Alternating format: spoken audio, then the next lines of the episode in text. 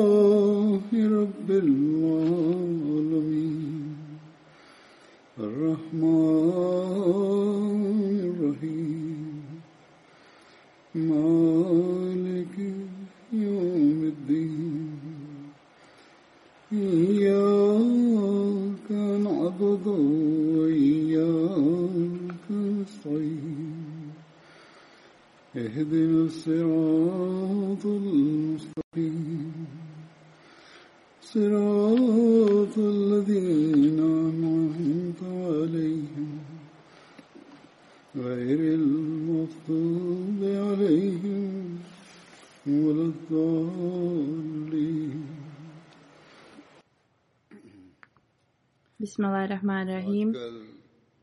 Hazur kaže da trenutno stanje u vezi korona pandemije zabrinjava sve ljude. Da li to bili članovi naše zajednice ili ne, ljudi su zabrinuti i pišu mi u pismima da su zabrinuti za svoju porodicu i svoje bližnje. Zbog ove situacije mnogi ljudi su se zabrinuli da iako boluju od neke druge bolesti zbog njihovog stanja i opalog imuniteta, e, mogu da budu ugroženi od ove pandemije. Također neki Ahmedi su već se zarazili od ovog virusa i izgleda da cijeli svijet je utonio, utonuo e, u brigu o ovom virusu. Jednom, nedavno jedan misionar mi je pisao i naveo da ne možemo da shvatimo šta se dešava. On je u istinu pravu da više ne znamo ni šta se dešava u svijetu, kako god uzvišeni Allah u časnom Kur'anu u vezi ove trenutne ere kaže, a čovjek A, a čovjek kaže šta se dešava sa njom. Stotinu godina prije, u februaru 1920. godine, Hazreti Muslim Maud radi Allahu Anhu, dok je spominjao o zaraznim bolestima i prirodnim bolestima, nepogodama govorio je ukratko o ovom navedenom ajetu. Hazreti Muslima odradi Allahu Anhu je rekao u prošlosti bila je rijetkost da se pojavljuju ove zarazne bolesti ili prirodne nepogode kako god trenutna era je da su se kapije ovih nepogoda otvorile. Azur kaže, ja sam također govorio zadnjih, u zadnjim godinama u vezi ovih prirodnih nepogoda, da u svijetu pandemije i prirodne nepogode su se puno povećale u zadnjim, u zadnjem stoljeću. Inače, ove pandemije i nepogode dolaze kao upozorenje čovječanstvu da trebaju da ispunjavaju dužnosti prema svom stvoritelju i njegovim stvorenjima i da ispunjavaju dužnosti prema čovječanstvu. Onda naša dužnost je u ovim situacijama da se predamo i pokorno molimo uzvišenom Allahu više, više nego ikad i moramo privući pažnju svijetu također na ovo. Neke bolesti i nepogode su takve da kad se pojave u svijetu, one utiču na svaku osobu. Hazreti Muslima odradi Allahu Anhu također kaže, kaže da je ispravno reći da neka iskušenja nemaju ništa sa nama, kako god, zbog toga što i mi živimo na ovom svijetu, onda i mi budemo dotaknuti njima do neke mjere, kao što je bolest, suša i tako dalje, znači ovo utiče i na nas. Hazreti Muslima odradi Allahu Anhu govori da Nije slučaj da pravedne i ispravne zajednice su zaštićene od ovih nepogoda. On kaže razlog ovome jeste to bi bilo protiv Allahovog prirodnog zakona. Kako god vjernik prolazi kroz ovo skrušeno i predano se moli uzvišenom Allahu i on je uvijek zadovoljni Allahov sluga. Kao što sam već spomenuo, moramo da se skrušeno molimo uzvišenom Allahu tražeći njegov oprost i njegovu zaštitu. Svaki Ahmedi više nego ikad prije treba da se moli uzvišenom Allahu. Neki ljudi govore da ova bolest služi kao znak od Allaha i da mi ne trebamo da se čuvamo i da se ne trebamo predržavati pravila i također govore neke druge komentare koji, koji ti komentari povređuju druge osobe mi ne znamo da li je ovo neki znak ili ne. Ali šta znamo jeste, i to sam već spomenuo kada sam govorio o pandemiji po prvi put, da je ovo u istinu opši znak jer od dolaska obećanog Mesija alih salama ovo se povećalo. Onda možemo da kažemo, uopćenito da je znak, ali ga ne možemo povezati sa kugom u vrijeme obećanog Mesija Leselama i da govorimo da Ahmedi koji su dobili virus ili umrli od ovog virusa, Bože sačuvaj da kažemo da je njihova vjera bila slaba. Ovo su komentari na koje niko nema pravo da ih izgovara.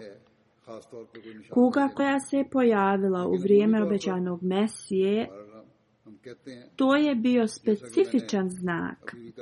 Iako je časni poslanik, salallahu alaihi veselam, rekao da osoba koja premine od pandemije se smatra kao šehid kako god uzvišeni Allah je objavio obećano Mesija alaih salamu da će ovo biti kao znak za njegovu istinitost i ovo je on objavio i dao je upute džematlijama u vezi ovoga. Kuga koja se desila u vrijeme obećanog Mesija alaih salama imala je specifično značenje. Dalje obećani Mesija alaih salama je tad dao instrukcije džematu i također je rekao mufti sahibu da objavi oglas u novinama.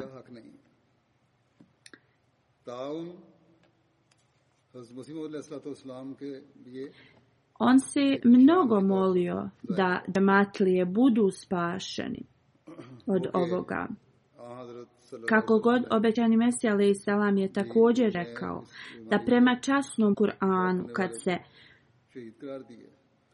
Ove nepogode ili bolesti desi,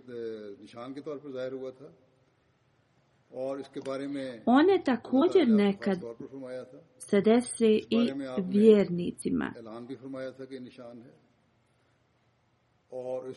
Ljudima će biti suđeno prema njihovim dijelima, znači...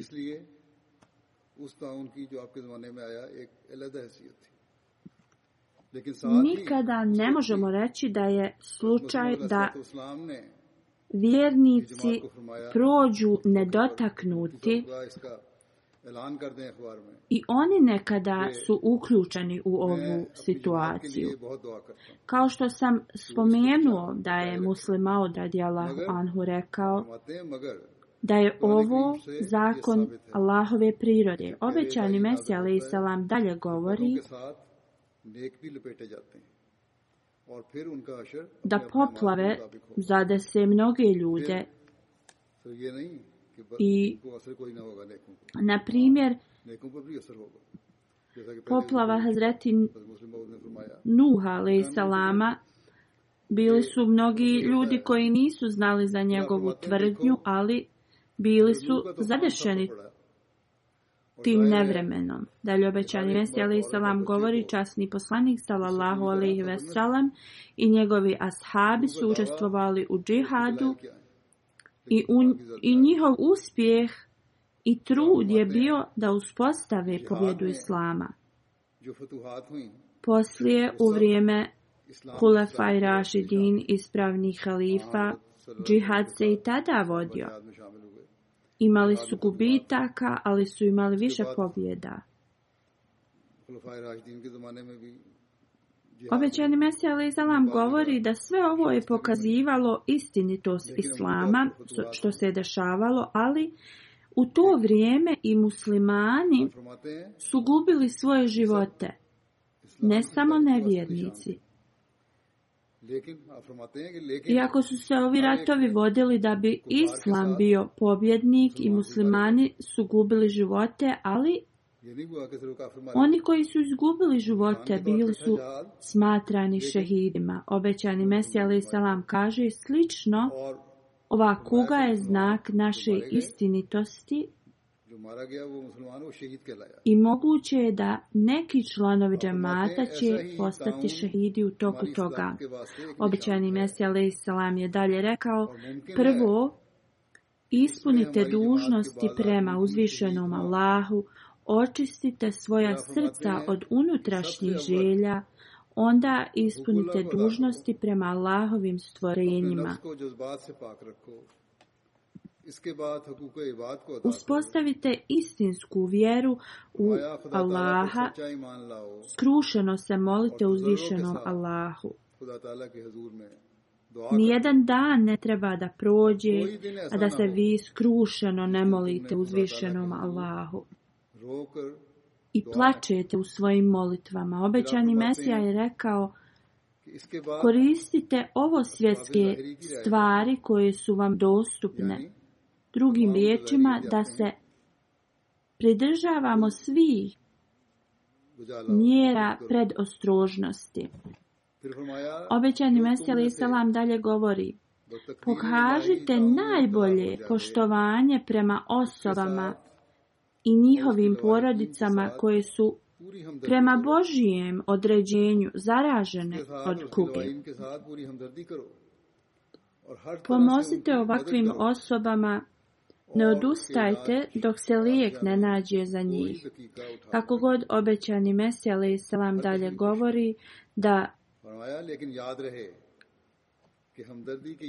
pomagati drugima je neophodno u, ovo, u, ovo, u ovakvim danima, ali morate dobro paziti se kad to radite. Šta možemo da naučimo iz ovoga? jeste oni koji pomažu drugima trebaju da urade sve neophodno da se zaštite od virusa, na primjer, sada se nalaže nošenje maski. Također trebamo da se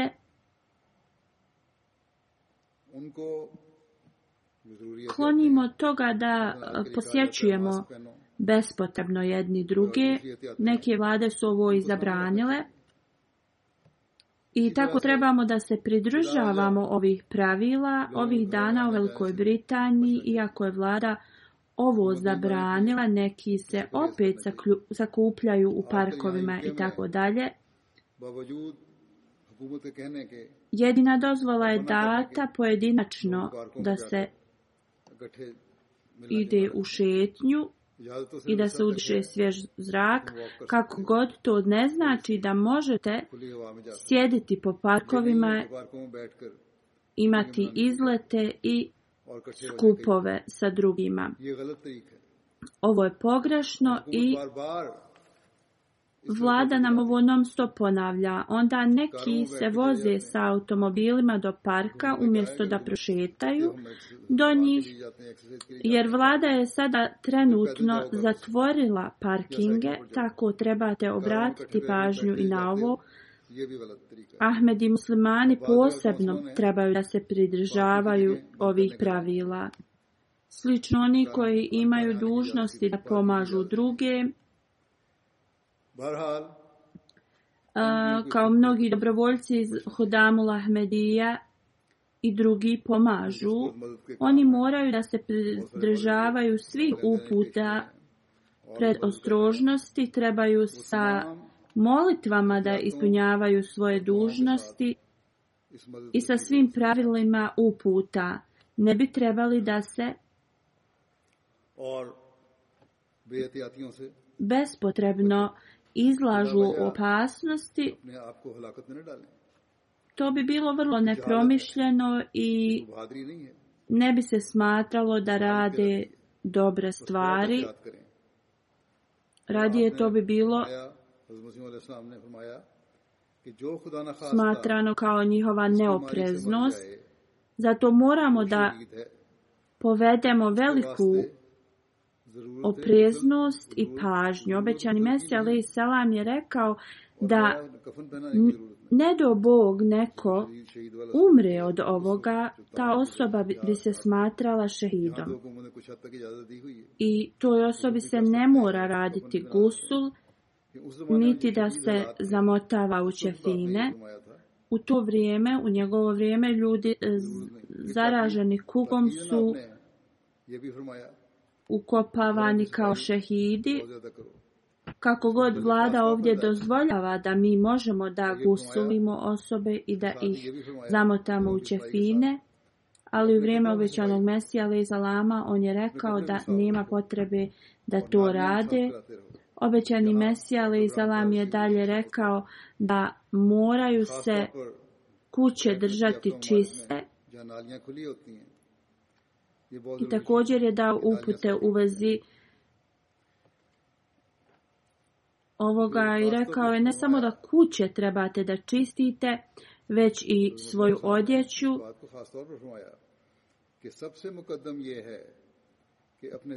I također kanalizacija da se čisti. Ovdje kanalizacija je pod, podzemna. Ali u nerazvijenim zemljama kanalizacija nije podamna, tako trebaju da se čiste. Obećani Mesija Leselam je vrlo specifično rekao da svi moraju da očiste svoja srca i da se pokaju ispred uzvišenog Allaha. Onda u ovim danima kada su svi zahvaćeni ovim, kao što sam već spomenuo, da mi mnogi pišu u vezi ovoga, onda svi trebamo da se da predamo pažnju ovome.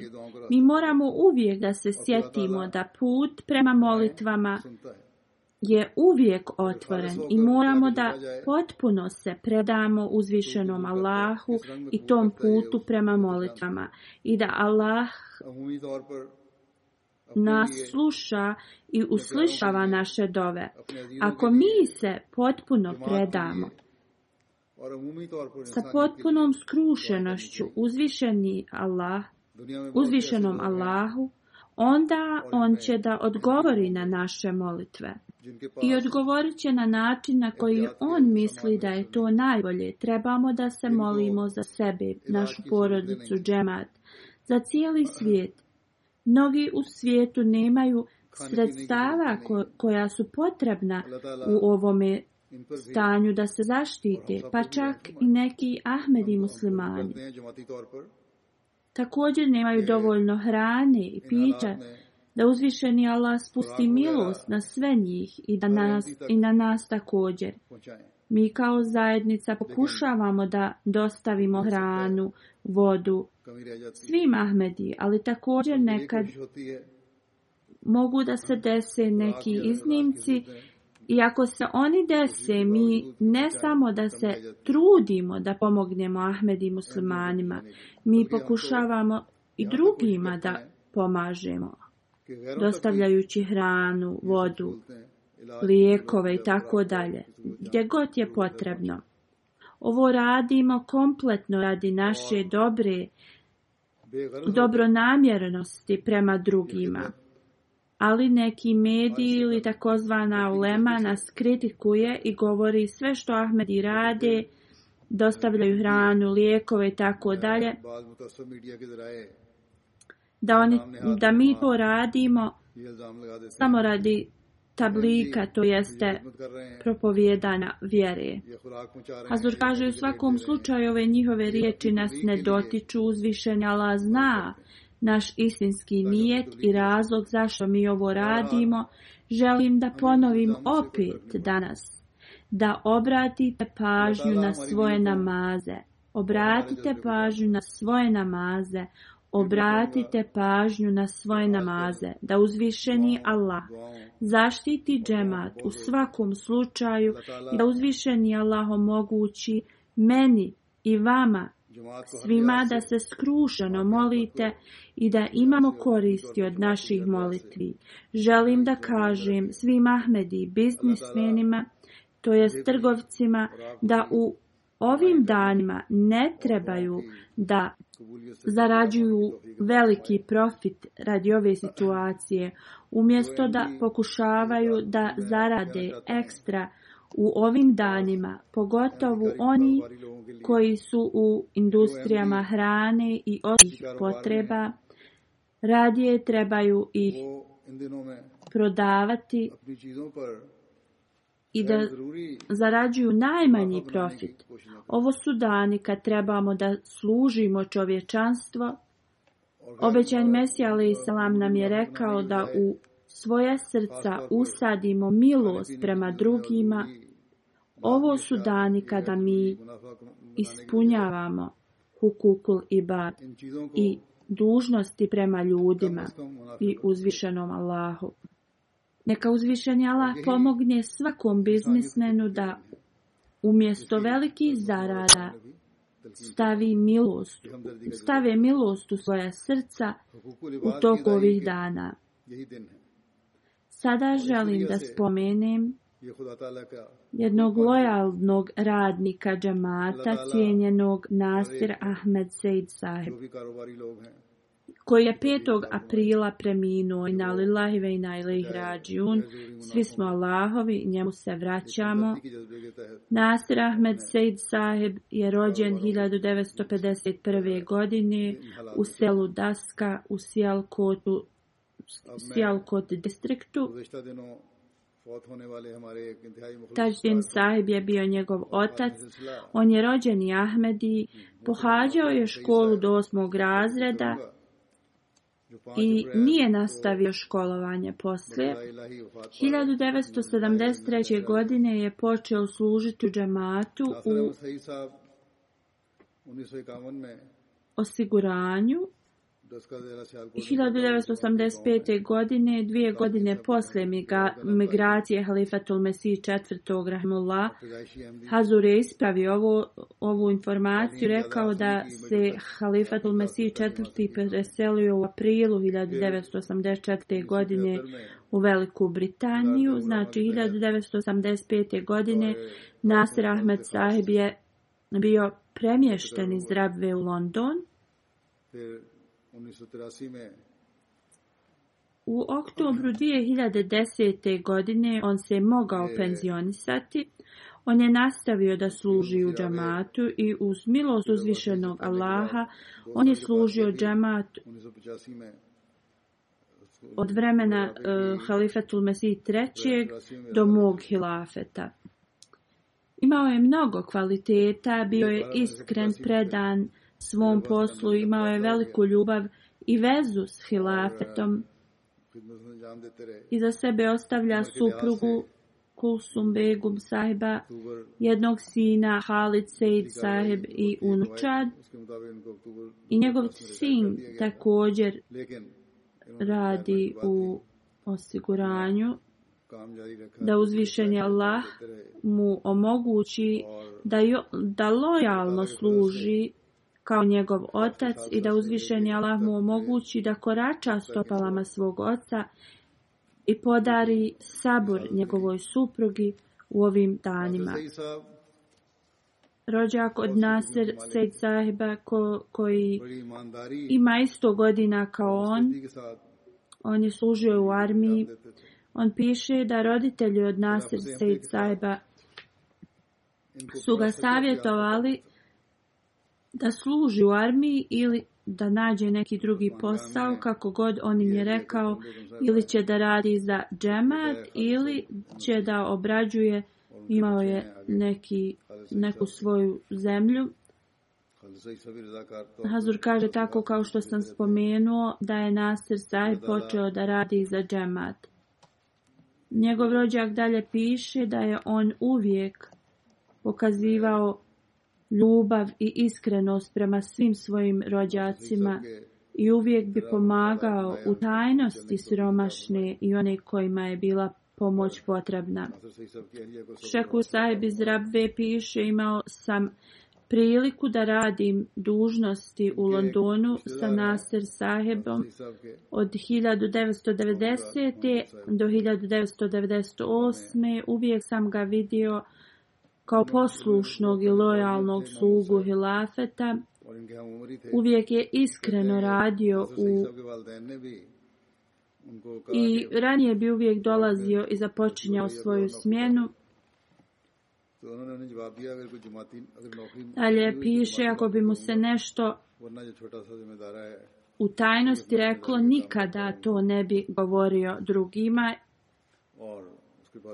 pa ni svojim kolegama. Uvijek bi savjetovao njih da neke informacije koje su tajne trebaju da ih čuvaju i ne govore o njima.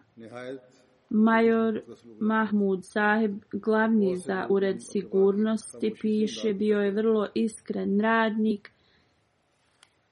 i dao je cijeli život u službi Hilafeti Ahmedija on nije bio zainteresovan za ovo svjetske e, ugođaje.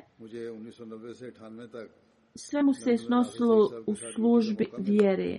Najveća želja mu je bila da napusti ovaj svijet dok još je u službi halife. I u istinu njegova želja je bila ispunjena. Dalje piše da je bio veoma gostoprimljen obziran prema starima, a također i pre, prema djeci. Bio je poslušan nikada se nije žalio. Uvijek bi ispunjavao upute. Pa znači, Major Saib piše da je bio radnik za primjer. On je bio primjer kao ono osoba koja je dala svoj život u e. službi džamata. Zaista Hazur kaže ovo je istina, radio je cijeli svoj život i nije se štedio za službu džemata. Harun Zahib, student iz džami Ahmedije u Njemačkoj, piše Mnogo puta sam vidio da ako osoba imaju, pro, ako neke osobe imaju problem između sebe, da je on dao sve od sebe da to riješi zajedno sa njima. Da je piše jednom sam ga pitao da li je ikada otišao na odmor. Nasir Saib mi je odgovorio da osoba koja da svoj život u službi džamata, onda njegova dakle, služba halifi džamatu je njegov odmor. I to je odmor koji osoba želi. I ovo je jedini cilj koji treba da ima. Slično, mnogi ljudi su pisali slične stvari o njemu. To jeste kao o njegovom gostoprimstvu, kako je uvijek želio da pomaže. Iako njegova funkcija u džematu nije bila neka velika, bio je običan radnik, ali koga je god upoznao, stupio je u blisku vezu s njim, veza koja je bila puna ljubavi i razumijevanja. Nasir Bađva Saheb iz Njemačke piše bio je čovjek sa odličnim kvalitetima, uvijek se brinuo šta je najbolji interes za druge, uvijek je bio spreman da pomogne drugima. U svako vrijeme bi On, njegovo zadovoljstvo je bilo kad bi pomagao druge. Hazur kaže, ljudi širom svijeta su mi pisali o njemu i ne mogu da spomenem sve što su napisali. Iz Amerike neko je napisao, kad bi god došao u Ameriku sa Hazurom, uvijek bi se sa osmijehom nas očekivao i nikada ne bi pokazao umor na svom licu. Savjetovao bi omladinu prelijepim savjetima. Jedan od velikih kvaliteta je što je podsticao uvijek omladinu da budu dobri. Firoz Alem Saib je napisao da Nasir Saib je imao mnogo kvaliteta, jedan je gostoprinstvo. On kaže kada je on živio sam ovdje i njemu je pomagao. U vezi njegovih namaza Firoz Saib piše kad je Halifatul Mesih četvrti Rahmula bio bolestan, vidio bi ga izgledao kako klanja tahadžud sa velikom skrušenošću. Hasnat Saheb iz Njemačke piše, uvijek sam mu uvijek smo mu se divili na njegovoj predanosti džamatu. S jedne strane, on je bio vrlo jednostavan čovjek, ali sa druge strane, Bio je vrlo mudar čovjek. Kao predsjednik Humad, uh, Hodamul Ahmedija, ja sam puno naučio od njega. On nikada nije pokazivao svoje godine i uvijek je bio aktivan. Mnogo puta, ako bi mu neko ukazao uslugu zbog njegovih godina, on bi to odbio. U stvari želio je da radi svoju dužnost kao svi drugi. On kaže pokazivao bi toliko ljubavi i pažnje prema mlađima da bi se mi postidili od te njegove pažnje. On bi savjetovao sve nas da izvršavamo svoje dužnosti. Eh, Hasnad Saib dalje piše vrlo specifična stvar o njemu je da drugi ljudi bi podučavali i organizirali bi kampove za trening i tad bi nam održavali govore kako god Nasir Sahib nam je to pokazivao kroz izvršavanje svojih dužnosti kroz njegovu iskrenost kroz njegove molitve sve je to pokazao kroz svoj primjer. I on kaže kad bi kad bi me god on sreo, pitao bi me da se molim za njega da mu uzvišeni Allah podari dobar kraj. Halid Ahmed Saheb koji služi za ruski ured je također naveo mnoge kvalitete o njemu kao što su drugi naveli, ali on dalje kaže ne samo da bi Nasir Sahib pomagao u tajnosti onima kojima je bila potrebna pomoć, on bi također posticao druge i mučnije da to rade. Još jedna od velikih osobina je bila njegovo ponašanje prema gostima u toku Dželsa Salane, gosti koji su došli iz daleka.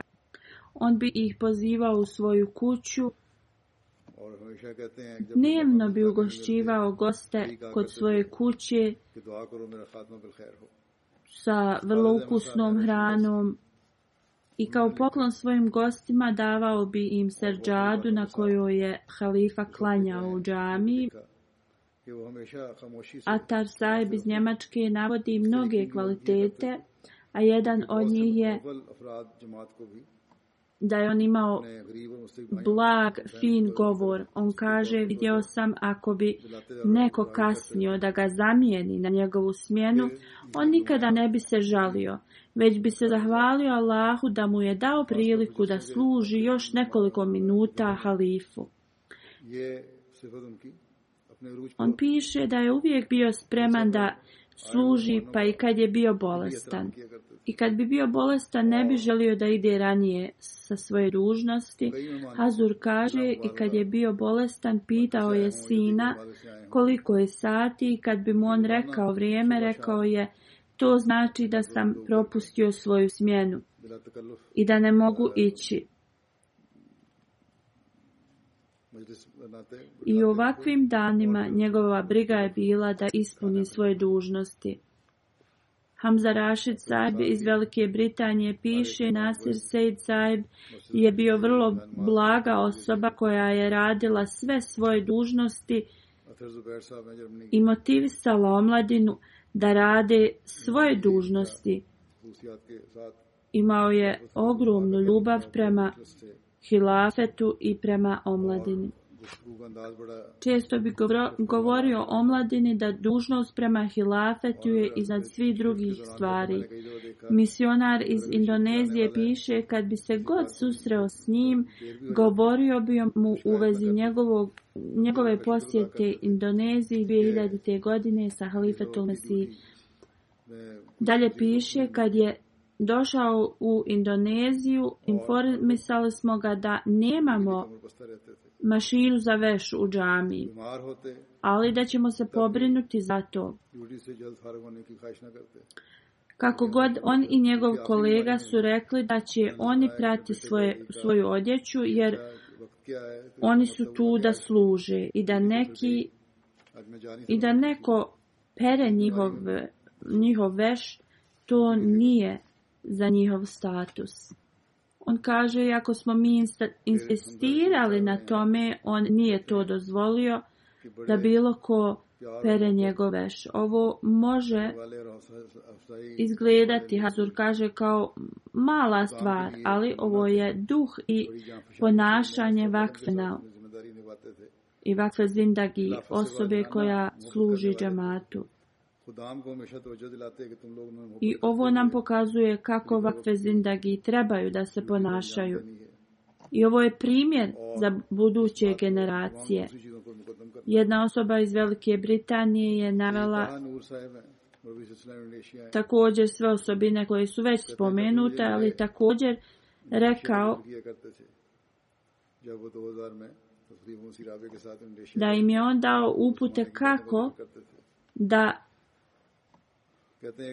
naprave vezu, jaku vezu sa hilafetom, on piše da je on bio vrlo mudra osoba i kad bi ga god pitali za savjet, dobili bi mnoge koris, koristi od njegovih savjeta. Adhar Ahmad Saib kaže od 2011. do 2020. sam radio dužnosti sa njim jednom sam pitao Nasir Ahmed sahib da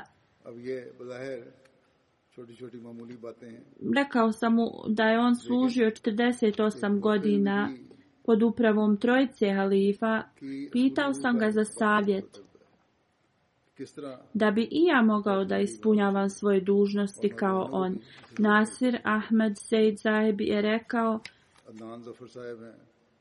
Na ovoj dužnosti osoba mora da drži oči i uši otvorene, ali svoj jezik pod kontrolom i uvijek mora da obavlja molitve. Zaista ovo je suštin, suštinski savjet za svakog vakve zindagi. Hazur kaže, u stvari za svaku osobu u džematu i sve članove odbora trebali bi da koriste ovaj savjet. Ovo su riječ mudrosti. On je bio poznat kao Lalađi i dok sam radio dužnosti sa Lalađi, naučio sam ako pa dobijemo naređenje on, od osobe koja je zadužena da nam daje naređenje, na nama je da ispunimo na isti taj način kako su nam rekli. On bi uvijek izvršavao naređenje kako je njemu rečeno. I nama bi to govorio. On nikada to ne bi tumačio na svoj način, već bi sve radio prema uputama.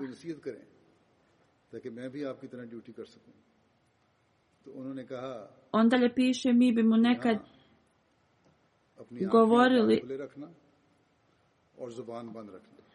da neki drugi tim ovo izvršava na drugačiji način, njegov odgovor nama je bio da on ne zna šta taj drugi tim radi, ali da će onda izvrši posao prema uputava uh, koje su njemu date.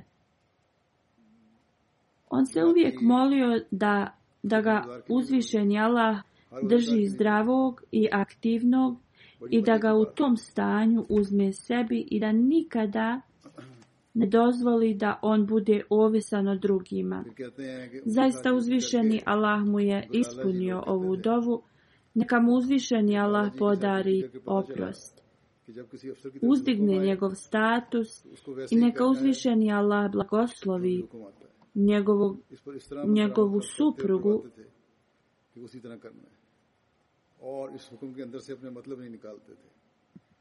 podario je znači, zdravlje i da joj podari sabur i istrajnost. Također, kao što sam već ranije spomenuo da uzvišeni Allah podari njegovom sinu da ostane pa povezan sa hilafetom u stvari da njegovo cijelo potomstvo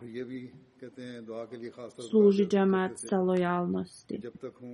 Hazur kaže, ja osobno znam Nasir Saiba od vremena iz Rabve i sve što su ljudi spomenuli je istina. Nasir Sejid Saib je istrajno sa potpunom pokornošću služio džamat.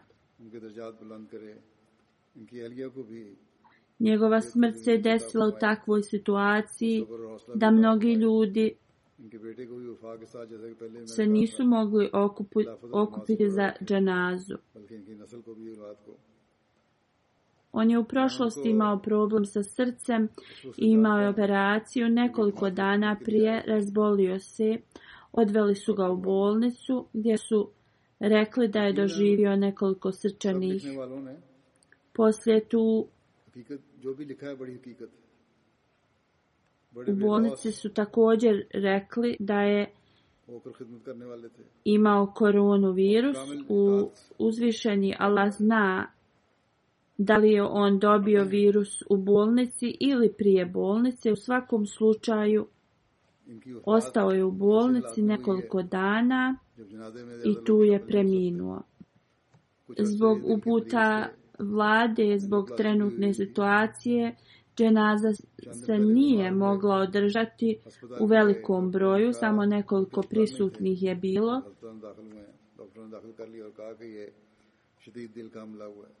Hazur kaže, inšala klanjaću njegovu dženazu u osustvu, nekad poslije, kao što sam ranije rekao, mnogi su mi pisali, o njemu i šta, sve što su rekli bila je istina.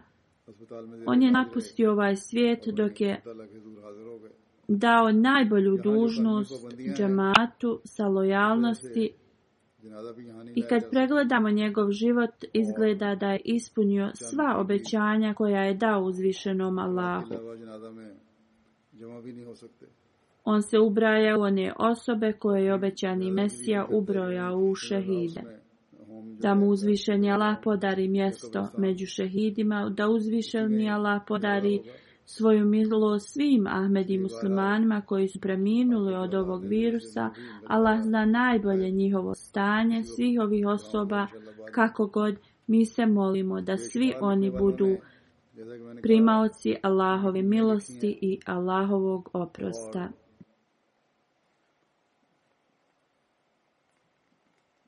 جو بھی لکھی ہیں باقی حق اور لکھا ہے یہی اس ان میں خوبیاں موجود تھیں جیسا کہ میں پہلے بھی کہہ چکا ہوں اپنی خدمت کو اپنے عہد کو وفا سے نبھاتے ہوئے یہ اس دنیا سے رخصت ہوئے ہیں ہر عہد جو انہوں نے اللہ تعالیٰ سے کیا اس کو پورا کیا ان کی زندگی میں یہی نظر آتا ہے ہمیں اس لحاظ سے یہ ان لوگوں میں شمار ہوتے ہیں جن کے بارے میں حضرت مسلم علیہ السلام نے فرمایا کہ یہ شہید ہیں اللہ تعالیٰ انہیں ان میں شامل فرمائے اور وہ تمام احمدی جو اس بیماری کی وجہ سے جن کی وفات ہوئی ہے اللہ تعالیٰ ان سے بھی رحم اور مفروط کا سلوک فرمائے اور ہر ایک سے اللہ بہتر جانتا ہے کہ کس کے ساتھ کیا ہے ہماری تو یہی دعا ہے کہ ہر ایک جو ہے وہ اللہ تعالیٰ کی رحم اور مقصد حاصل کرنے والا ہو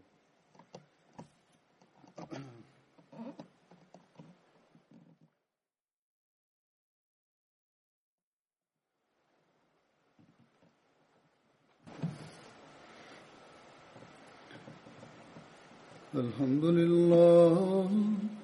الحمد لله نحمده ونستعينه ونستغفره ونؤمن به ونتوكل عليه ونعوذ بالله من شرور أنفسنا ومن سيئات أعمالنا من يهده الله فلا مضل له ومن يضلل فلا هادي له ونشهد أن لا إله إلا الله ونشهد أن محمدا عبده ورسوله عباد الله رحمكم الله إن الله يأمر بالعدل واللسان وإيتاء ذي القربى وينهى عن الفحشاء والمنكر والبغي يعظكم لعلكم تذكرون اذكروا الله يذكركم وادعوه يستجب لكم ولذكر الله أكبر